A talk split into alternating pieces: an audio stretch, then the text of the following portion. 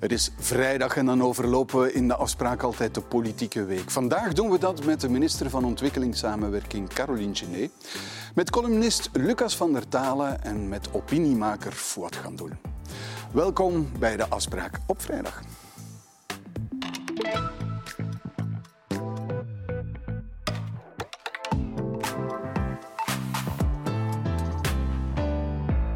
Goedenavond, Caroline Genet. Deze week um, als minister van Ontwikkelingssamenwerking naar Marokko geweest. Hoe is het daar nu eigenlijk? Hè? De aardbeving, we zijn het al vergeten bijna, maar hoe is de situatie ter plekke nu? In de Atlas is de situatie heel schrijnend. De armoede op het platteland is, is gigantisch. En uh, we hebben een vluchtelingenkamp uh, bezocht van mensen die getroffen zijn door de aardbeving. En daar zie je eigenlijk uitzichtloosheid, een gebrek aan perspectief. En daarom is het denk ik heel belangrijk dat we ook vanuit de Belgische regering hebben gezegd we willen mee investeren in die wederopbouw om ook mensen, jonge mensen, ook vrouwen opnieuw een toekomstperspectief te geven. Is er al sprake van wederopbouw? Ja, ik heb een gesprek gehad met eh, de minister van Buitenlandse Zaken en Ontwikkelingssamenwerking. En uh, de Marokkaanse overheid is inderdaad wel aan de slag met uh, heel duidelijke doelstellingen van wat willen ze bereiken. Ze willen eerst en vooral wederopbouw van scholen, van medische centra die getroffen waren. En ze willen eigenlijk ook een, een groot investeringsplan voor de Atlas, want dat was een achtergesteld gebied in Marokko. En ik denk dat ze de juiste prioriteiten leggen. Opleiding, ook voor mensen die mee kunnen stappen in die wederopbouw. En een focus op jongeren en op vrouwen om uh, ja, eigenlijk to build back better, ja. zei hij letterlijk in heel mooi Frans. Dus ik denk uh, dat daar wel uh, ja, de juiste prioriteiten gelegd zijn en dat het ook belangrijk is dat wij ons inschakelen in die prioriteiten om echt een, eh, een, een, push aan die regio te geven. Het is, eh, want intussen, ja, je, je hebt het, het, conflict in het, in het Midden-Oosten, er is de oorlog in Oekraïne. Het is een beetje een vergeten drama, mag je het zo... Toch hier, uh, in, ja, de, in, in de westerse wereld. Ja. De solidariteit is wel heel groot. Ook, ook bij uh, onze bevolking, ook een, een, grote Marokkaanse gemeenschap. En ik moet zeggen dat uh, de initiatieven die spontaan zijn ontstaan na de aardbeving, dat die ook ontzettend geprofessionaliseerd zijn. Want je krijgt heel snel van ja, we moeten van alle goederen naar Ginder brengen. Eigenlijk heeft de Marokkaanse regering opgeroepen, gesteund door ons, van kijk, laten we geld inzamelen en laten we structureel wachten waar de prioriteiten zijn en daar dan in investeren. En bijvoorbeeld in mijn eigen stad is er een initiatief, Marrakesh, Mechelen voor Marrakesh. Uh, en ook zij hebben gezegd, kijk, wij zamelen geld in en we schakelen ook ons in in die wederopbouw. En we hopen dat we dan ook op de Belgische regering beroep kunnen doen om de projecten mee te selecteren. Ik vind dat heel professioneel. Ja, goedenavond voor het gaan doen. Ja, Genk, um, ook heel veel mensen met Marokkaanse achtergrond, met, met banden uh, ter plekke. Het was heel emotioneel hè, op het moment van, van de gebeurtenis. Hoe is het nu? Wel, uh, Genk is niet uh, zomaar de eerste beste plek uit, uh, uit, uit, Vlaanderen. Het is de plek waar de meeste mensen komen uit die streek. Dus we hebben heel veel uit, mensen... Uit het Atlasgebergte? Uit het Atlasgebergte, uit, uit het Soesgebied, die zwaar getroffen is. We hebben heel veel mensen die, die van ver of van dichtbij familieleden verloren zijn.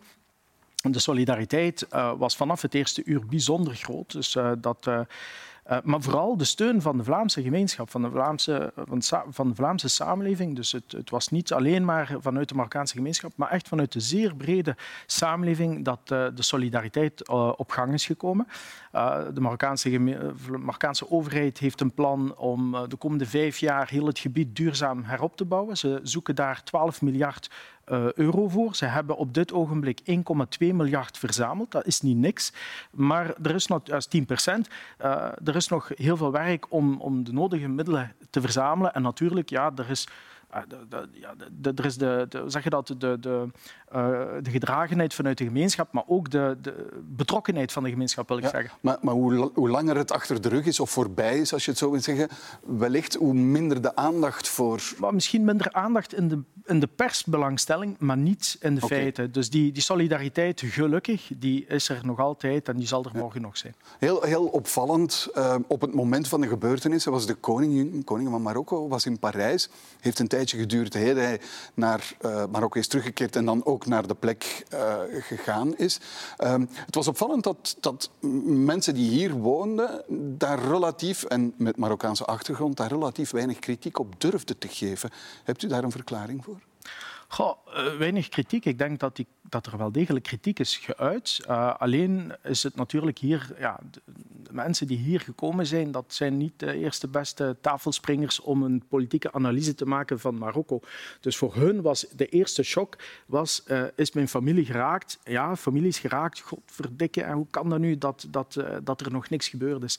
Tussen de feiten, vrijdagavond en de eerste vergadering van de, van de regering van de Marokkaanse regering zaterdag namiddag is er heel veel tijd uh, ja, verloren geweest of verloren of anders, uh, anders besteed dan eigenlijk had gekund. En daar, daar valt wel degelijk kritiek op te geven en die hoor je wel degelijk in de gemeenschap, ja. maar misschien niet zo hardop als men gewoon is.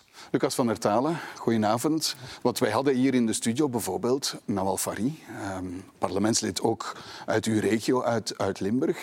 En dat viel heel op. Zij bleef heel erg op de vlakte wanneer het over de rol van die koning uh, ging. Hebt u daar een verklaring voor? Uh, je mag toch niet vergeten dat Marokko absoluut geen democratie is en dat de figuur van de koning onaantastbaar is. Dus het is geweten dat die koning in Parijs, vlak bij de Eiffeltoren, een paleis heeft gekocht. Dat hij trouwens nu zou kunnen verkopen om aan de wederopbouw van zijn land te helpen. Maar de, de hele administratie was dus echt verlamd en men heeft heel veel kostbare tijd verloren, omdat men niets durfde te doen voor de koning terug in het land was.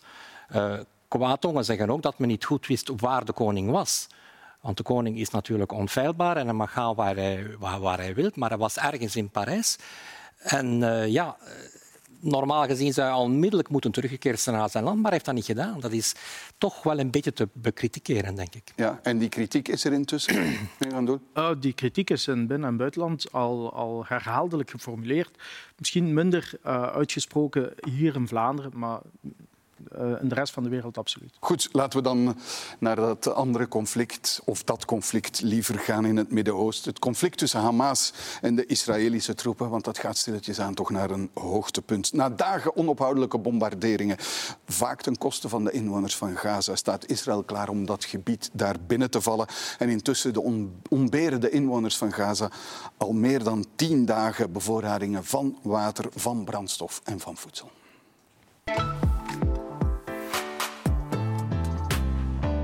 Bij luchtaanvallen in Gaza zouden vanavond honderden mensen zijn omgekomen. Een hospitaal en een school van de Verenigde Naties zijn daar getroffen door raketten. And based on what I've seen, it appears as though it was done by the other team, not, not you. Ik heb de grote, grootste twijfels over... Uh, bij die aantallen? Over de aantallen ook, ja. Tenminste, met die beschitting. In bijna alle grote steden in het Midden-Oosten en Noord-Afrika komen mensen op straat om hun Palestijnse broeders te steunen. Istanbul, Turkije. Bagdad in Irak. En Tunis, Tunesië. Het geven van hulp aan Hamas, aan een regio waar Hamas ook de lakens uitdeelt, mevrouw de minister, daar zijn wel vragen over te stellen. Humanitaire hulp dient, zoals u terecht zei, om levens te redden en mensen te beschermen. En wij werken, en dat weet u, enkel samen met erkende humanitaire organisaties. Niet met overheden in deze. En al zeker niet met terroristen zoals Hamas. Wat wel zo is, is dat Biden gisteren heeft kunnen loskrijgen bij Netanyahu dat er vandaag, of ze hebben toen geen tijdstip gegeven, maar hopelijk wordt het morgen, dat er twintig vrachtwagens die grens zouden overmogen. Nu, dat is een druppel op een hete plaat. Er zijn er honderden nodig om de mensen in nood daar te helpen. Ja, mevrouw Genet, kan u de situatie in Gaza inschatten? Ja, we hebben nog altijd medewerkers van Enabel, ons Belgisch ontwikkelingsagentschap, die in Gaza wonen, Gazaan zijn en die ons dus wel permanent op de hoogte houden. En de situatie is afschuwelijk. Dus mensen overleven in het beste geval met één liter water per dag. Zowel om zich te wassen, om te koken, om te drinken. Het is daar 30 graden. Um, Mensen hebben geen toegang tot medicijnen. Uh, voedsel wordt gerantsoeneerd en ondertussen komt er ook niks binnen. die humanitaire corridors waarvan spraken en waarvan uh, Biden zegt dat hij dat onderhandeld heeft, de grenzen zijn niet open. En wordt ook nog eens gebombardeerd. En of worden gebombardeerd. gebombardeerd. Dus de toestand is schrijnend. Er is een, een humanitaire crisis zonder voorgaande op dit moment aan de gang. Mensen worden ook gedwongen om hun huis te verlaten. Ze worden gevraagd om te vluchten naar het zuiden van Gaza. En je ziet daar dat ze dan opnieuw gebombardeerd worden. Dus nu zijn er heel wat mensen vandaag die zeggen oké, okay, wij zitten hier vast in het zuiden, wij worden hier opnieuw gebombardeerd. Wij gaan terug naar huis, wij voelen ons nergens meer veilig. Dus het is een afschuwelijke catastrofe. Onhoudbaar, meneer Gaan doen? Onhoudbaar, absoluut. Maar dit was een drama dat aangekondigd was uh, in de zin van Hamas heeft een uh, onwaarschijnlijk, uh, onwaarschijnlijk gruwelijke terroristische aanslag gepleegd op onschuldige burgers. Met de beste excuus die je kunt inbeelden voor Israël om te doen wat ze altijd hadden willen doen. En dat is de etnische zuivering van Gaza. Dat is altijd het plan geweest. Dat is een oud plan. Er zijn ook officieel mensen die dat zeggen, Naftali Bennett en zo, die letterlijk op tv zeggen van ja, maar eh, de, de, de grensstreek met, met, eh, met Egypte, doe dat open, betaal Egypte uh, een prijs en laat ze al die Gazanen onderdak bieden voor de komende jaren. We zijn zelfs bereid als Israël om daarvoor een, te betalen en dan heb je een nieuwe tentenkamp in de Sinai-woestijn. Maar heel Gaza wordt uh, ontruimd, wordt uh, heroverd, letterlijk. Want dat wordt op de, op de Israëlische televisie gezegd. Maar dat is een plan van de huidige regering, Netanyahu. Die een uiterst rechtse regering de, de uiterst rechtse regering. En daar heb je daar een aantal mensen, gelijk uh, Itzmar Ben-Gvir en, en Smotrich. Ja, zijn toch niet de eerste de beste. Dat is de harde, harde, harde lijn. Dat is de Hamas van Israël. Uh, er is een verschil. Dus, enfin, de twee partijen zijn, zijn elkaar gewaagd. Hamas wil de absolute vernietiging van Israël. Dat is on, onmiskenbaar zo. Maar de, de harde, radicale, zionistische religieus-zionistische flank die nu in de regering zit, die daar nooit heeft gezeten, maar nu, dat zijn dat is eigenlijk een kakistocratie, heet dat. Dat is het, het, het bestuur uh, van de slechtste elementen die je kunt voorstellen in de samenleving. Ten... En die haten elkaar kapot en die zijn afhankelijk van elkaar, want ze hebben elkaar nodig. Ten koste van de mensen die daar zitten in ja. die kleine strook, in, in die Gazastrook. Ja, maar het is voorspelbaar. Ik denk dat het grote probleem van Palestina, en dat is eigenlijk identiek op de Westbank als op uh, Gaza, is een ontzettend slecht bestuur. Dus je hebt aan beide kanten, aan de ene kant in Cisjordanië, heb je een heel corrupte president, Abu uh, Abbas, die al 17 jaar aan de macht is zonder verkiezingen, die onlangs verschrikkelijke uitspraken gedaan heeft over de holocaust, die gewoon de holocaust ontkent en daar ook gezegd heeft dat het uiteindelijk de fout is van de Joden, omdat zij woekeraars zijn dat, dat Hitler hen, hen aangepakt heeft. Met zo'n man kun je moeilijk gaan onderhandelen, vind ik. Aan de andere kant heb je Hamas. Hamas vertegenwoordigt het Palestijnse volk niet. Volgens recente enquêtes is liefst 60% van de Gazanen tegen Hamas en wil een meerderheid wil vrede met uh, Israël. Maar Hamas houdt ook geen verkiezingen. Hamas houdt ook een heel strak autoritair regime in stand. Maar mag toch niet vergeten dat er in juni grote betogingen zijn geweest van de, van de Gazanen tegen Hamas en dat die natuurlijk in het bloed gesmoord zijn. Ja. Dus met, dan vraag ik me af, als ik wil spreken over een staakt het vuren, denk ik ja, na die vreselijke aanval op Israël, met wie ga je onderhandelen? Met, met een holocaust-ontkenner, een corrupte man die al 17 jaar uh, aan de macht is zonder verkiezingen? Of ga je spreken met een, iets wat met Hamas dat absoluut geen bevrijdingsbeweging is, maar gewoon een, een jihadistische beweging. Want u pleit wel degelijk voor wat u noemt een humanitair staakt het vuren. Sowieso, dat is uh, het minimum minimorum, dat is ook de vraag van de VN. Anderzijds kan je je afvragen of dit uh, zelfverdediging is in het kader van het uh, internationaal humanitair recht. Het antwoord is nee.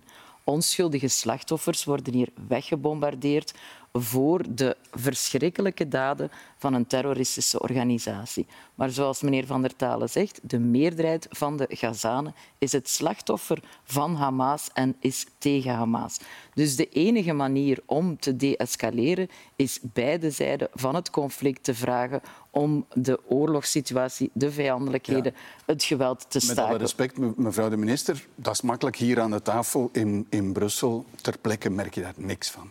Ja, maar ik denk dat de internationale gemeenschap echt uh, hier veel, veel offensiever moet zijn. Hè. De internationale gemeenschap, de internationale gemeenschap heeft de voorbije jaren nagelaten om het Israëlisch-Palestijns conflict op tafel te leggen, om voor een onderhandelde twee-staten-oplossing te pleiten en er ook aan te werken. Heel recent is er een initiatief genomen door de hoge vertegenwoordiger van de Europese Unie, samen met de Saoedi's. Je moet het tegenwoordig doen in de wereld, niet met vrienden, ook met regimes waar je absoluut niets mee te maken wil hebben. Maar je gaat in het Midden-Oosten het conflict moeten oplossen door aan tafel te zitten, inderdaad, met de Palestijnse autoriteit. Want daar zijn in 1995 met Israël onder leiding van de Amerikanen. Daar zijn akkoorden mee gemaakt. En die moeten opnieuw op tafel, die moeten uitgevoerd worden. Oké, maar ik zeg het, we zitten hier aan een tafel in Brussel. Ik weet niet of het veel zal uithalen dat wij dit hier... De, de situatie ter plekke is gewoon uitzichtloos. Ja, nee. Uh, er is altijd hoop. Als er geen hoop zou zijn, dan zou het pas echt heel erg zijn. Maar er is altijd hoop. En die hoop lees ik... Ik heb een abonnement op de Haaretz, een van de belangrijkste kranten van Israël. Ik lees die dagelijks. Je moet vandaag eens lezen wat Gideon Levy schrijft. Hij zegt onmiddellijk nu, onmiddellijk stoppen met de oorlog, want dit is een, dit is een slachting. Dit is geen oorlog meer, dit is een slachting van on, uh, onschuldige mensen. Er is in Israël, onderschat dat niet, er is nog altijd een democratische onderstroom die trouwens meer dan 30 weken op rij op straat kwam, in de straten van Tel Aviv en alle grote, grote uh, steden van Israël, om het ontslag te vragen, te eisen van de regering. Maar er is een strategie achter heel dat verhaal van de extreemrechtse partij uh, of de extreemrechtse regering in Israël en Hamas. De twee zijn elkaar gewaagd. Mekaars Waarom? beste vijand, om, ja. om een term vijand, te gebruiken. Omdat ze van elkaar afhankelijk zijn. Wat heeft, wat heeft Netanyahu de afgelopen 14 jaar dat hij in de regering zat, wat heeft hij gedaan? Die heeft de PLO volledig gediscrediteerd door eigenlijk de financiering van Hamas toe te laten. Kun je dat voorstellen? Daar komt iemand van Qatar, die, die landt in Tel Aviv met twee, twee begeleiders van, uh, uh, vanuit de Israëlische Veiligheidsdienst. Die gaat naar Gaza, die geeft een koffer af met geld en dan, en, en dan hoepelt hij het op.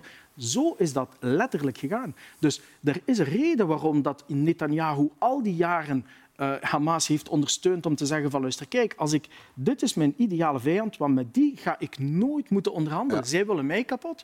En ik kan naar de hele wereld zeggen van kijk eens wat voor beesten dat, dat zijn. E-, even terug um, naar, naar ja, de situatie ter plekke voor, voor de Gazanen.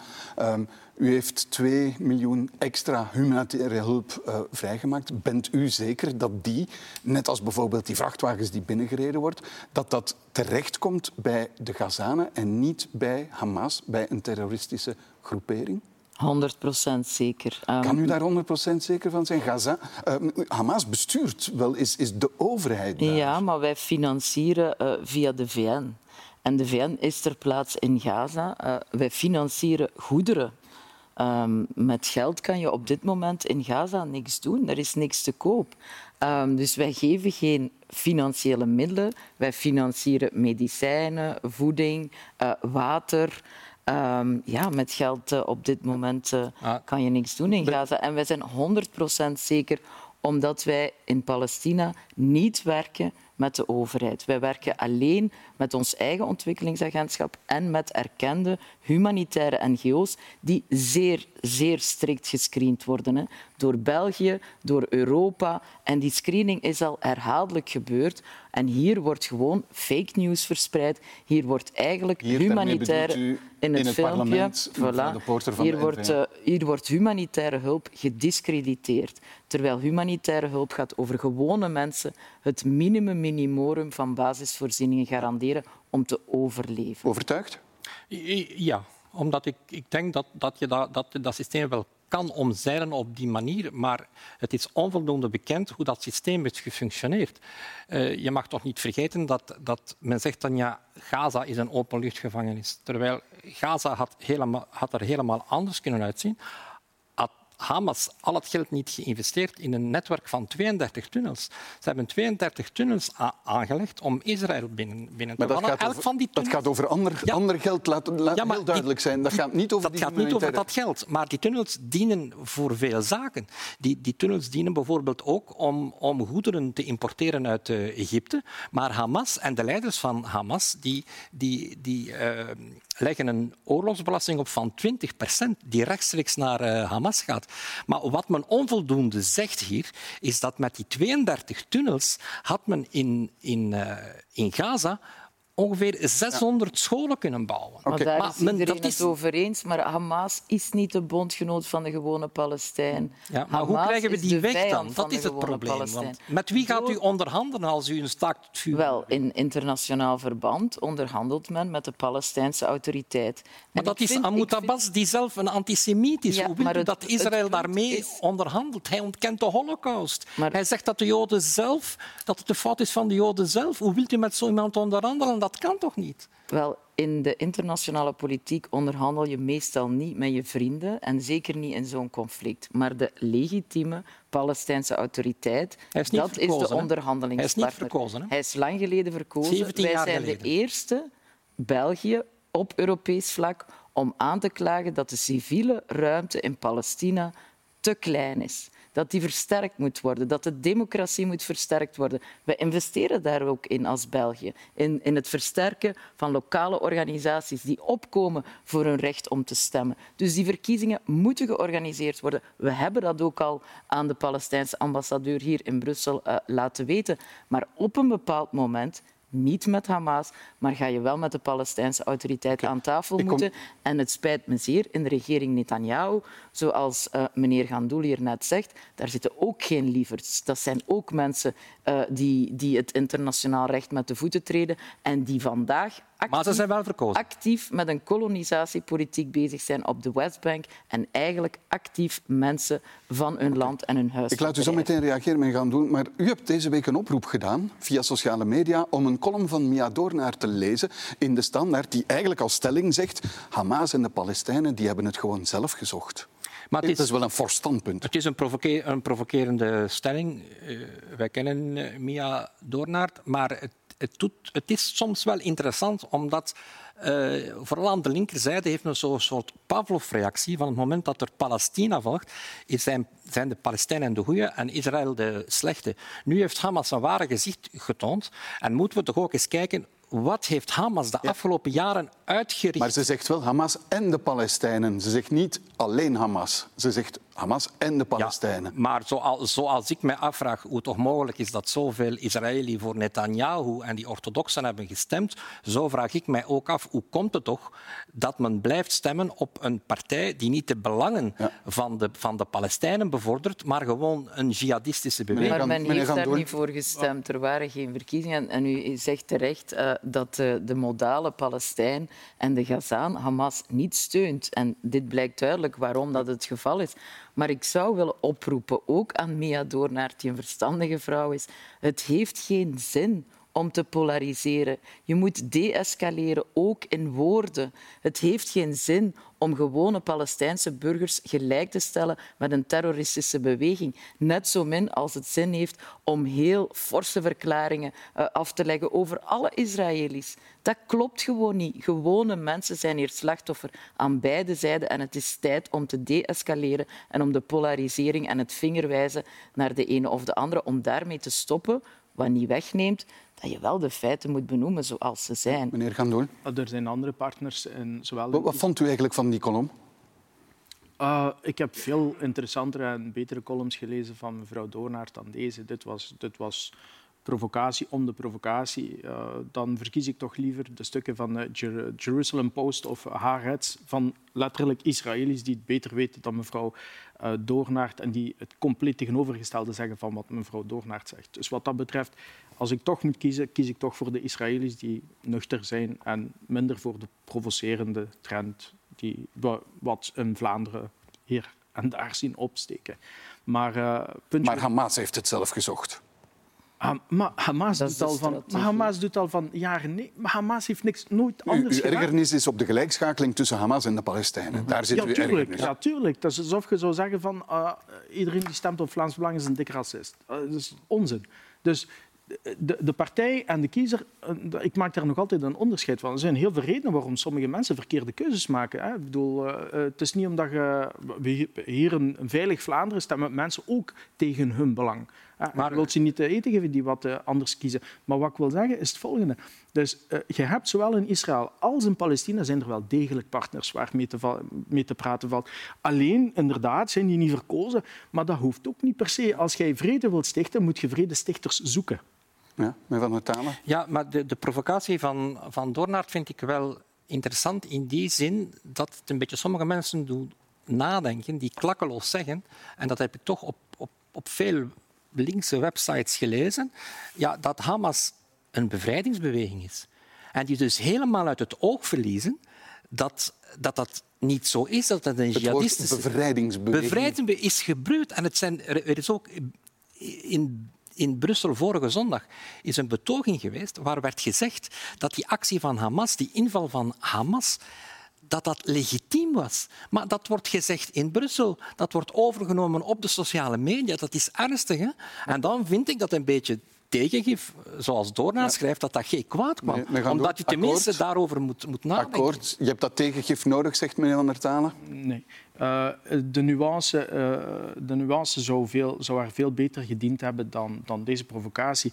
Elke instelling, elke organisatie, elke overheid die ongediscrimineerd geweld gebruikt om, om, om terreur eh, te, te, te verspreiden, is terroristisch. Je hebt ook staatsterrorisme. Het is niet omdat je Hamas is nu een organisatie, maar je hebt ook staten die terroristisch zijn. Als je ziet hoe Rusland omgaat met Oekraïne, dat is staatsterrorisme. Ja, en zegt u Israël is dan staatsterrorisme? Ja, Ja. ja tuurlijk. Die twee staan dan tegenover. Ah ja, maar als je gewoon eens langs elkaar kijkt, eh, gewoon op basis van internationaal recht. Alle, alle eh, artikels die, die geschonden zijn door beide partijen, maar door ook Israël, moeten, moeten, moeten toch nuchter genoeg zijn. Allee, als we nu al gaan zeggen van, van ah nee, eh, we gaan de facto kiezen, eh, kant kiezen voor Israël en we gaan, we gaan zwijgen over alle misdrijven die Israël gepleegd heeft, dan is dat geen gebalanceerd gesprek meer. Ja. Hoe groot is de kans dat dit conflict zich verspreidt, bijvoorbeeld in het Midden-Oosten? We hebben nu een negatief reisadvies. eh, ons land en de meeste Europese landen voor Libanon, een van de buren eh, van, van Israël. Hoe, hoe groot schat u die kans in?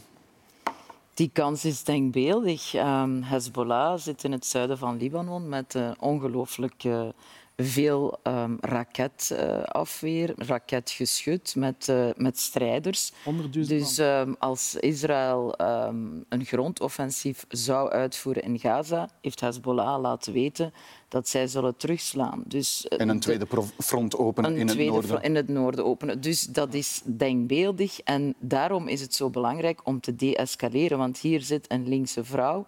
Ehm, ik is geen haar op mijn hoofd die eraan denkt om Hamas te pardoneren of te excuseren voor wat ze doen. Het probleem is dat extreme elkaar vinden en elkaar voeden. En geweld leidt alleen maar tot meer geweld. En je ziet als je mensen tot wanhoop drijft in Gaza, maar ook op de Westbank, dan krijg je waanzin in return. Dus het punt is dat ook politici, maar ook opiniemakers en ook de gemeenschappen zelf, de Joodse en de Palestijnse gemeenschap hier, dat we redelijke mensen moeten aan het woord laten. Mensen die willen met elkaar rond de tafel zitten. Want het punt is, ook veiligheidsmensen in Israël zelf oud-generaals, oud-Mossad-mensen zeggen deze politiek van de Israëlische regering is schadelijk voor de veiligheid van Israël. Het zou ook wel het einde van Netanyahu moeten en kunnen zijn, omdat hij er niet in geslaagd is om de veiligheid van Israël en zijn burgers te garanderen. Hoeveel schrik hebt u dat het, hè, u woont in Brussel, Ja. dat dat bijvoorbeeld, vooral in grote steden, ja, geïmporteerd wordt, dit conflict? Ik ben daar zeer bang voor. En ik heb, ik heb ook al geschreven dat ik denk dat de aanslag op die, eh, op die twee twee Zweden, dat dat met meer te maken had. Omdat je dus door de invloed van de, van de fake news krijg je zoveel berichten. En er is inderdaad geen... geen je vindt geen nuance op het internet. Hè. Je gaat dus niet kunnen zeggen van kijk, eh, wat er in Gaza gebeurt, dat is de gedeelde verantwoordelijkheid van dat jarenlang opbod van, van Hamas, dat slechte beheer, die tunnels, die geldverspilling, die autoritaire jihadistische beweging aan de ene kant en aan de andere kant die uitzichtloze politiek van Netanyahu, die een van de meest minabele politici is van de Israëlische geschiedenis. Dus die nuance is er nooit. Dus je ziet nu op de sociale media hier in Brussel, als je dan ook weet dat toch veel jonge Brusselaars lezen geen kranten en gaan geen inspanning doen om, om, om zich te informeren. En dus dan zie je dat er daar zondag in Brussel toch duizend mensen stonden te luisteren naar een zeer, zeer, zeer gevaarlijke toespraak, waar er werd gezegd, in centrum Brussel, in Sint-Gilles, werd er gezegd dat ze de inval van Hamas kwamen vieren. Ja. 3000 mensen vermoord, dat werd daar gevierd. Wordt het geïmporteerd? eh, het leeft bij, bij moslims hè, in, in onze maar het samenleving. Bij elk, elk conflict hebben we hetzelfde. En dan heb je weer straten die vollopen met mensen die staan te roepen en te tieren met een vlag, alsof dat überhaupt iets wat maakt. De Palestijn heeft er niks aan en de Israëli is helemaal niet onder de indruk. Maar het gekke ook eh, in dit verhaal is, ik weet niet of je dat weet, maar grootste gemeenschap, de tweede grootste gemeenschap binnen Israël is de Marokkaanse gemeenschap.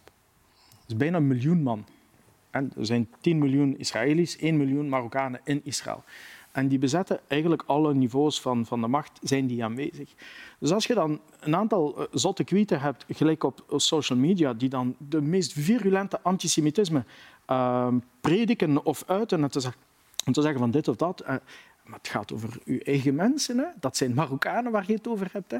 Dus dat is een beetje raar om dat vast te stellen van ja, over wat heb je het nu? Dus er is heel veel latente haat, ik kan het niet anders uitdrukken, heel veel latente haat die in één keer loskomt. En voor se défouler, zeggen ze dan. Hè. Zeggen ze van kom, kom op straat. En Ma maakt u zich zorgen? Ja, ik maak me daar wel zorgen. Omdat als dit escaleert, dan kan dit nogal een keer eens fout lopen. Ik had dezelfde gedachte bij, uh, bij wat er gebeurd was in Brussel, hè, zoals u. Van Jezus, Maria, laat dat alsjeblieft niet zijn dat die, dat die kerel een wraakactie zou doen omwille van Palestina, want dan is het hek van de dammen. Ja, misschien moeten we meteen naar die aanslag eh, gaan, want ook daar zijn wel wat opmerkingen over te geven. Want na die aanslag afgelopen maandag met eh, twee Zweedse slachtoffers als gevolg, is binnen de Belgische politiek eigenlijk een hele discussie opnieuw ontstaan over het asielbeleid. Want de dader was namelijk een uitgeprocedeerde asielzoeker die, ondanks het bevel daartoe, het land niet had verlaten. Vermoedelijke dader is, zoals gezegd, van Tunesische afkomst en heeft in november 2019 asiel aangevraagd in ons land. In oktober 2020 heeft hij een negatieve beslissing gekregen en kort nadien is hij van de radar verdwenen. Hoe kan dat dat hij dan niet op de radar stond? Hoezo? Wat is de definitie van op de radar staan? Meneer Van Quickenborne, die, is een radar, die, die stond niet aan. Mevrouw Verlinde, die radar stond niet aan. Maar een DWZ-radar die draaide tegen 100 per uur blijkbaar. En dus eindelijk, denk ik, is nu het moment om eens een heel strak systeem te hebben. Als je een order krijgt om het grondgebied te verlaten, dan zijn er twee opties. Ofwel ga je onder begeleiding terug naar het land van herkomst. En als dat en niet anders, kan? En anders moet je die vastzetten. En als landen in Noord-Afrika, andere landen, weigeren om hun terroristen, om criminelen terug te pakken, dan moeten we met Europa maar een keer ons tanden laten zien. C'est une vision populiste, désincarnée, inefficace de penser qu'on va pouvoir faire une Europe forteresse et renvoyer tous les gens chez eux et qu'ils vont y rester. Donc oui, je ne pense pas que ça fasse partie d'un panel de solutions euh, qui soit efficace. En dat heb ik destijds voorgesteld in de regering Michel, dat op bevel van de onderzoeksrechter men een woonst kon betreden waar een persoon die het land was uitgewezen zich schuilhield, om die dan vervolgens van het grondgebied te kunnen verwijderen. Ja, mevrouw Gené, plotseling ontdekt de hele wedstrijd dat er meer dan 100.000, sommigen zeggen zelfs 150.000 illegalen in ons land verblijven. Het is wel rijkelijk laat hè, dat de wedstrijd dat ontdekt.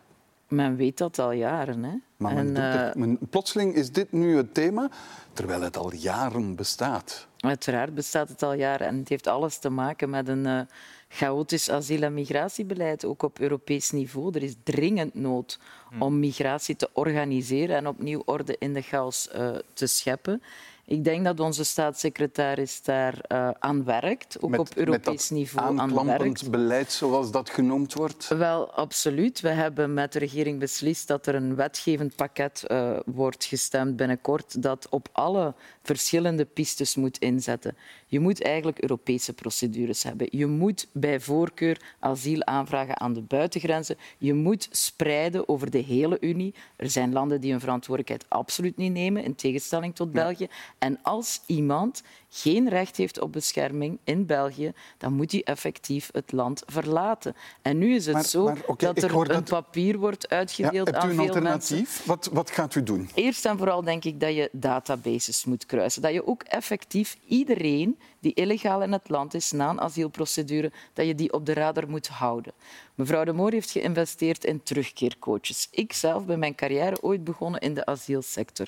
Na de Kosovo-oorlog hebben wij met mensen gewerkt om hen terug te begeleiden naar hun land van herkomst. Dat is vrijwillig en met ondersteuning heel goed gelukt. Naar een aantal landen lukt dat niet Afghanistan, op dit moment naar Palestina. Mensen die hier uitgeprocedeerd zijn, geen recht hebben op bescherming, maar wel in de illegaliteit zullen gaan verblijven, omdat je ze niet kan terugsturen. hebt nu- Ga daarmee hebt aan de een slag. perfecte analyse gemaakt van iets wat we al jaren weten. Ja, en het is ook zaak om daar nog meer op in te zetten en vooral Europees naar oplossingen Ja, te gaan. We worden Europees voorzitter ook eh, in januari 2024. We hebben nood aan een Europees asiel- en migratiebeleid dat humaan is voor mensen die bescherming nodig hebben, maar dat ook tanden heeft voor mensen die geen recht hebben We gaan coaches, we gaan coaches inzetten Ja, om... het probleem is, het probleem, u heeft zelf al geschetst, u kan sommige mensen niet terugsturen. Omdat gewoon de landen ze niet terug willen. Marokko, Tunesië willen de landen niet terug. Afghanistan te gevaarlijk en Palestina te gevaarlijk. Dus wat doe je dan? Maar eh, ik, ik De, heb geen de oplossing. premier zei ze gevangen zetten. is een van de Maar mogelijkheden. ik denk dat je moet denken aan gesloten centra, maar dan, dan hoor ik een kritische stem in mijn hoofd die onmiddellijk zegt ja, maar wat ga je daarvan maken? Openluchtgevangenissen met 100.000 mensen, dat is ook geen Ik oplossing. denk dat je de, de gesloten centra en de capaciteit dat je die moet uitbreiden. Daar werken we op dit moment aan. Maar je kan inderdaad geen 100.000 mensen eh, vastzetten. Dat is illusoir. Je mag mensen niks wijsmaken. Wat je wel kan doen, is degenen die misdaden gepleegd hebben, die een gevaar zijn voor de openbare orde, dat je die opspoort en meteen opsluit en ook uitwijst dat je effectief, naar waar? Dat je effectief onderhandelt met de landen van herkomst, bijvoorbeeld Maar Tunesië, jaren, bijvoorbeeld. Marokko. Ja, maar het is niet omdat het vandaag niet lukt dat je het nooit georganiseerd gaat krijgen. Je moet wel zorgen dat je daar partners voor vindt. Ook in de landen van herkomst. En dan moet je onderhandelen met de wortel, maar zeker ook met de stok. En ik denk dat we daar in Europa eensgezind Ja, rond moeten u zijn. zegt de stok. Ik kom zo meteen bij u, meneer Gandou. U zegt de stok, maar dan bijt ik meteen eh, ontwikkelingssamenwerking als instrument, als hefboom, als stok tegenover landen zoals Marokko bijvoorbeeld, waar we ontwikkelingssamenwerkingssteun aan geven. Ik heb niet zo heel veel taboes. Zo zit ik niet in elkaar. Dus voor u wat kan het. Wel is, Voor u kan het. Wat wel is, je moet vooral effectief zijn. We geven 5 miljoen euro Nee, nee, nee, nee. ontwikkelingssamenwerking. Uw voorzitter, uw voorzitter zei nee, nee, nee, nee, nee, want is humanitaire hulp, ontwikkelingssamenwerking, dat gaan we niet als hefboom gebruiken. U zegt, ik heb geen taboes. Taboes heb ik niet en Conor Rousseau doorgaans ook niet. Maar Dus? wat wel zo is, is dat je 5 miljoen euro ontwikkelingssteun aan Marokko geeft. Die is bestemd voor die lokale jongeren, die lokale boeren, bijvoorbeeld in de Atlas. Die is bestemd ook voor de opvang van asielzoekers die- in hun eigen en regio. Dat is geen En taboe om dan te zeggen, we gaan die gebruiken als hefboom.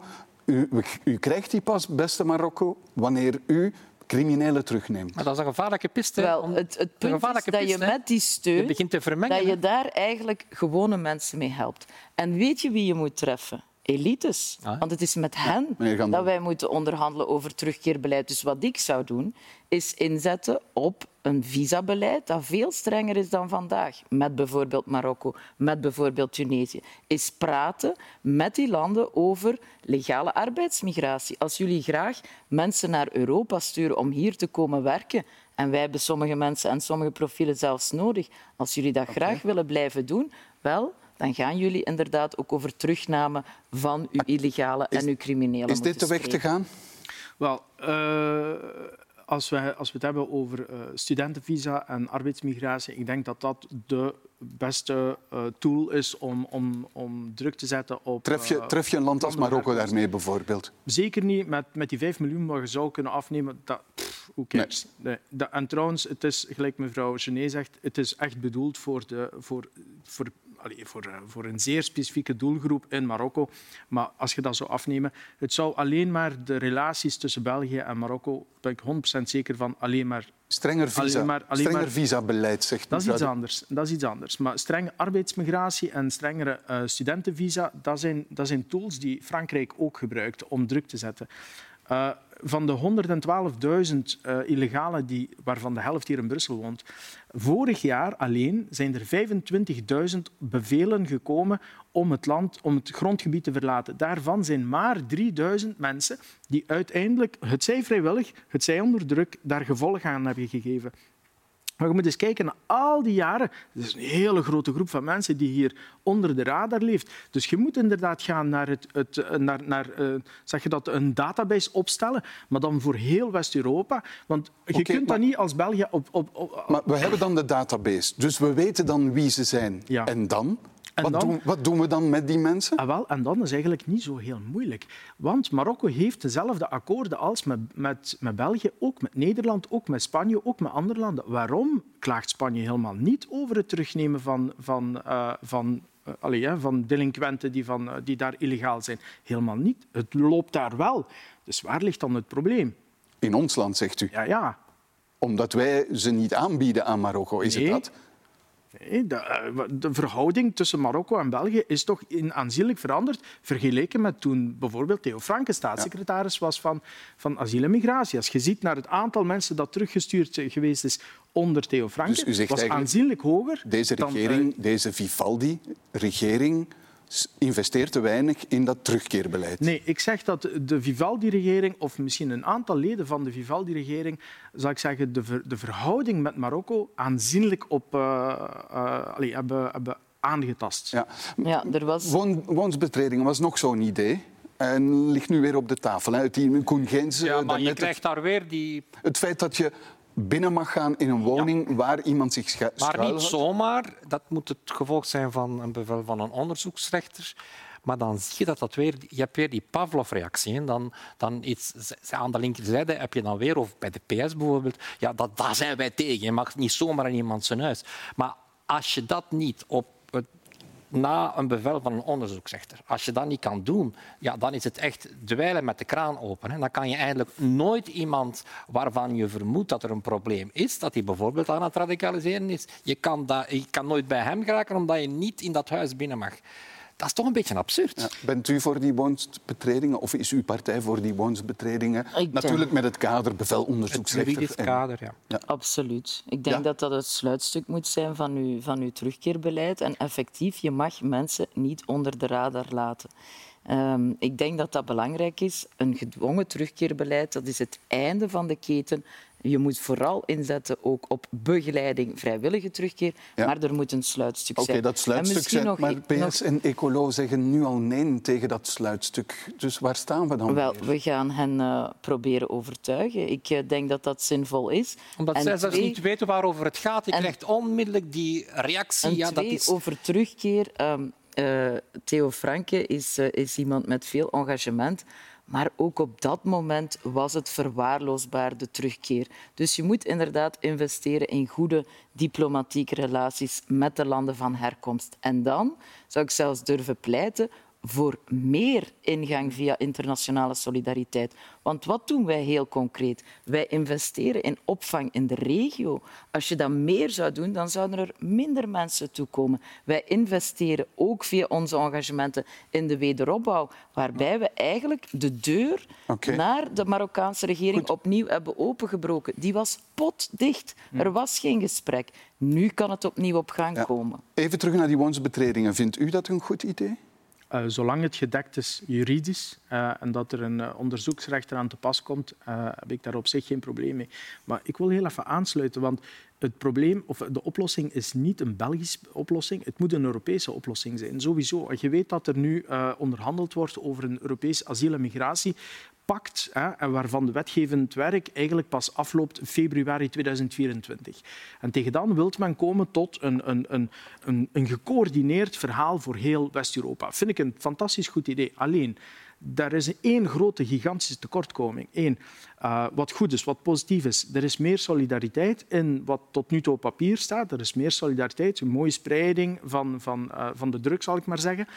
Maar wat het niet doet, wat die pact niet doet, is de buitengrens bewaken. En als je, zolang als het, je, je, je doet iets aan de dweil, maar de kraan staat open. En zolang als die kraan open staat, maakt niet uit hoe goed je dweilt, je moet die kraan dicht doen. Maar ik wil even toch die politieke realiteit. U hebt de staatssecretaris uit Brussel, Alain Maron, gehoord. Die zegt dat terugkeerbeleid, hij noemt het het Fort Europa, dat is inefficiënt, ondoordacht. Dat willen wij niet. Zitten- Ecolo gaat dat toch nooit aanvaarden zolang Nooit? zij in die regering zit? Zeker in deze periode. We zijn volop in verkiezingscampagne. Hè. En er is in Brussel een beetje een opbod bezig tussen de linkse partijen, tussen, uh, tussen PS, Ecolo en, uh, en, PTB.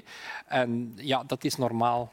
Ik denk dat de periode van, van het rationele denken uh, en het staatsmanschap volledig voorbij is. Dus Maron die denkt maar aan één ding, dat is aan de verkiezingen van 24. Maar dan heeft deze regering, zelfs als Europees voorzitter, toch op dat Europese niveau geen enkele kans wanneer Ecolo deel van die regering die houding gaat blokkeren. Ik vrees dat dat inderdaad het geval zal zijn. Ja. Maar laten we ook niet, ik ben voor woonsbetreding, hè, maar laten we ook niet alle heil daarvan verwachten. Die man die die aanslag gepleegd heeft... Je het een sluitstuk, hè? Voilà, die man die die aanslag, aanslag gepleegd heeft, die Tunesiër, die was bekend, hè?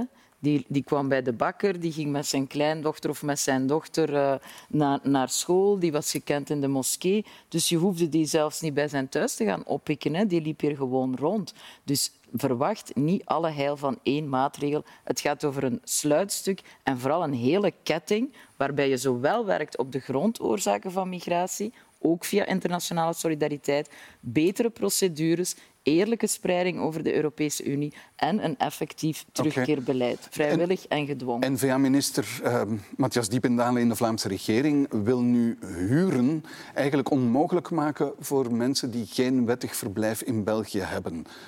Illegale, dus geen huurwoning meer. Uh... Geen sociale woning? Nee, nee. Huurwoning. Die ze zelf financieren op de privémarkt. Ja, ja Wat is... denkt u dan? Ja, dat dat onzin is, want dan verdwijnen mensen van de radar. Het punt is dat je die illegaliteit, je moet die opnieuw boven tafel krijgen. Illegaliteit is voor niemand goed. Mm. Niet voor de betrokkenen zelf. Hij zou slechte ideeën kunnen krijgen of hij wordt uh, uitgebuit in de huisvestingsmarkt, op de arbeidsmarkt. Mensen met een illegaal statuut zijn tweederangsburgers, hebben geen perspectief. Dus je moet hen daaruit halen. En als jij zegt, we maar duwen nog meer mensen in dak- en thuisloosheid, dan, uh, dan verdwijnen ze van de radar en kan je zeker niet met hen aan en de slag. En wat doe je hen eruit halen? Met welk doel? Uiteindelijk regulariseren, zodanig dat ze hier kunnen blijven functioneren. Want zo werkt het vaak. Je geeft hen een stuk hoop. Als ze lang genoeg hier blijven, ja, dan lukt het uiteindelijk wel. Dat is absoluut niet de juiste weg om te gaan. De juiste weg om te gaan is snellere procedures, effectievere procedures en ook veel andere kanalen, bijvoorbeeld van legale arbeidsmigratie. We hebben een gigantisch probleem met knelpuntberoepen op onze arbeidsmarkt. Laten we ook mensen legaal hier komen werken. Dan gaat de noodzaak om hier illegaal toe te komen en te verblijven ook uh, veel minder groot zijn. Maar beginpunt, we zitten intussen wel met 100 tot 150.000 mm. mensen die zonder papieren in onze samenleving functioneren. Ja, maar dat is, dat is minder, een minder groot probleem dan dat er een deel van die mensen zou geradicaliseerd zijn. Dus je hebt 100.000 mensen, zegt dat daar 3 procent uh, gevaarlijk is, dat, dat, is een grote groep. Hè. En het is die groep die gevaarlijk is, want eigenlijk kan je zeggen, illegaliteit moet je bestrijden en je moet daar iets aan doen. Maar het echte gevaar, wat we nu gezien hebben maandag, dat komt natuurlijk van een radicalisering. Ja. En daar moet je toch goed in, in toog houden wat er gebeurt, welke berichten er circuleren op de, op de media. Vroeger was het eenvoudiger. Hè. Vroeger moest je opletten wat er gezegd werd in de moskee. Maar de jonge bevolking in Brussel, de moslimbevolking, die gaat niet naar de moskee en die, die staat open voor, voor, die, voor die sociale berichtgeving die veel gevaarlijk is. Ah, het gevaar zit daar. Zit het gevaar daar? Maar DVZ heeft een cel radicalisering en een cel uh, gerechterlijke acties. Uh, de cel radicalisering is opgericht onder Theo Franke, onder de vorige regering. Uh, en die celradicalisering heeft als opdracht om in kaart te brengen wat het gevaar zou kunnen zijn van al diegenen die zich hier hebben aangeboden om asiel aan te vragen. Die cel die werkt goed. Dat is iets wat werkt. Maar je heeft ook toegang de man tot die alle de aanslag databases. pleegde, stond, niet, stond daar omdat, niet op. Nee, omdat hij, omdat gekend was voor feiten van gemeenrecht en niet van... Er was, geen, er was geen enkele dreiging die uitging vanuit radicalisering. Dus die kerel is ook op, op vrij snel, in de laatste periode, van zijn bestaan is hij, is hij pas geradicaliseerd. En de eerste, uh, ik zeggen, eerste signaal daarvan was gekomen van iemand vanuit de, uh, vanuit de moskee die zichzelf uh, heeft aangegeven de politie en te zeggen van die man heeft mij bedreigd en die van dan dan dat gezegd. Dus op dat ogenblik moet er eigenlijk moet er een connectie komen. En dat gebeurt niet. Er is een, ver, er is een verkolkering van de diensten, van de informatietoestroom. Dus er zijn verschillende diensten die informatievergaring doen. Er is een verkolkering. Er is geen centralisering van gegevens om de uh, connecting the dots, hè, om, om, om uh, uh, de informatie met elkaar te verstrengelen, om te zien van eh, waar kan een potentieel gevaar uitkomen en kunnen we daar preventief op reageren? Wordt dit het thema tot aan de verkiezingen? Blijft dit hangen? Zonder enige twijfel. Ja?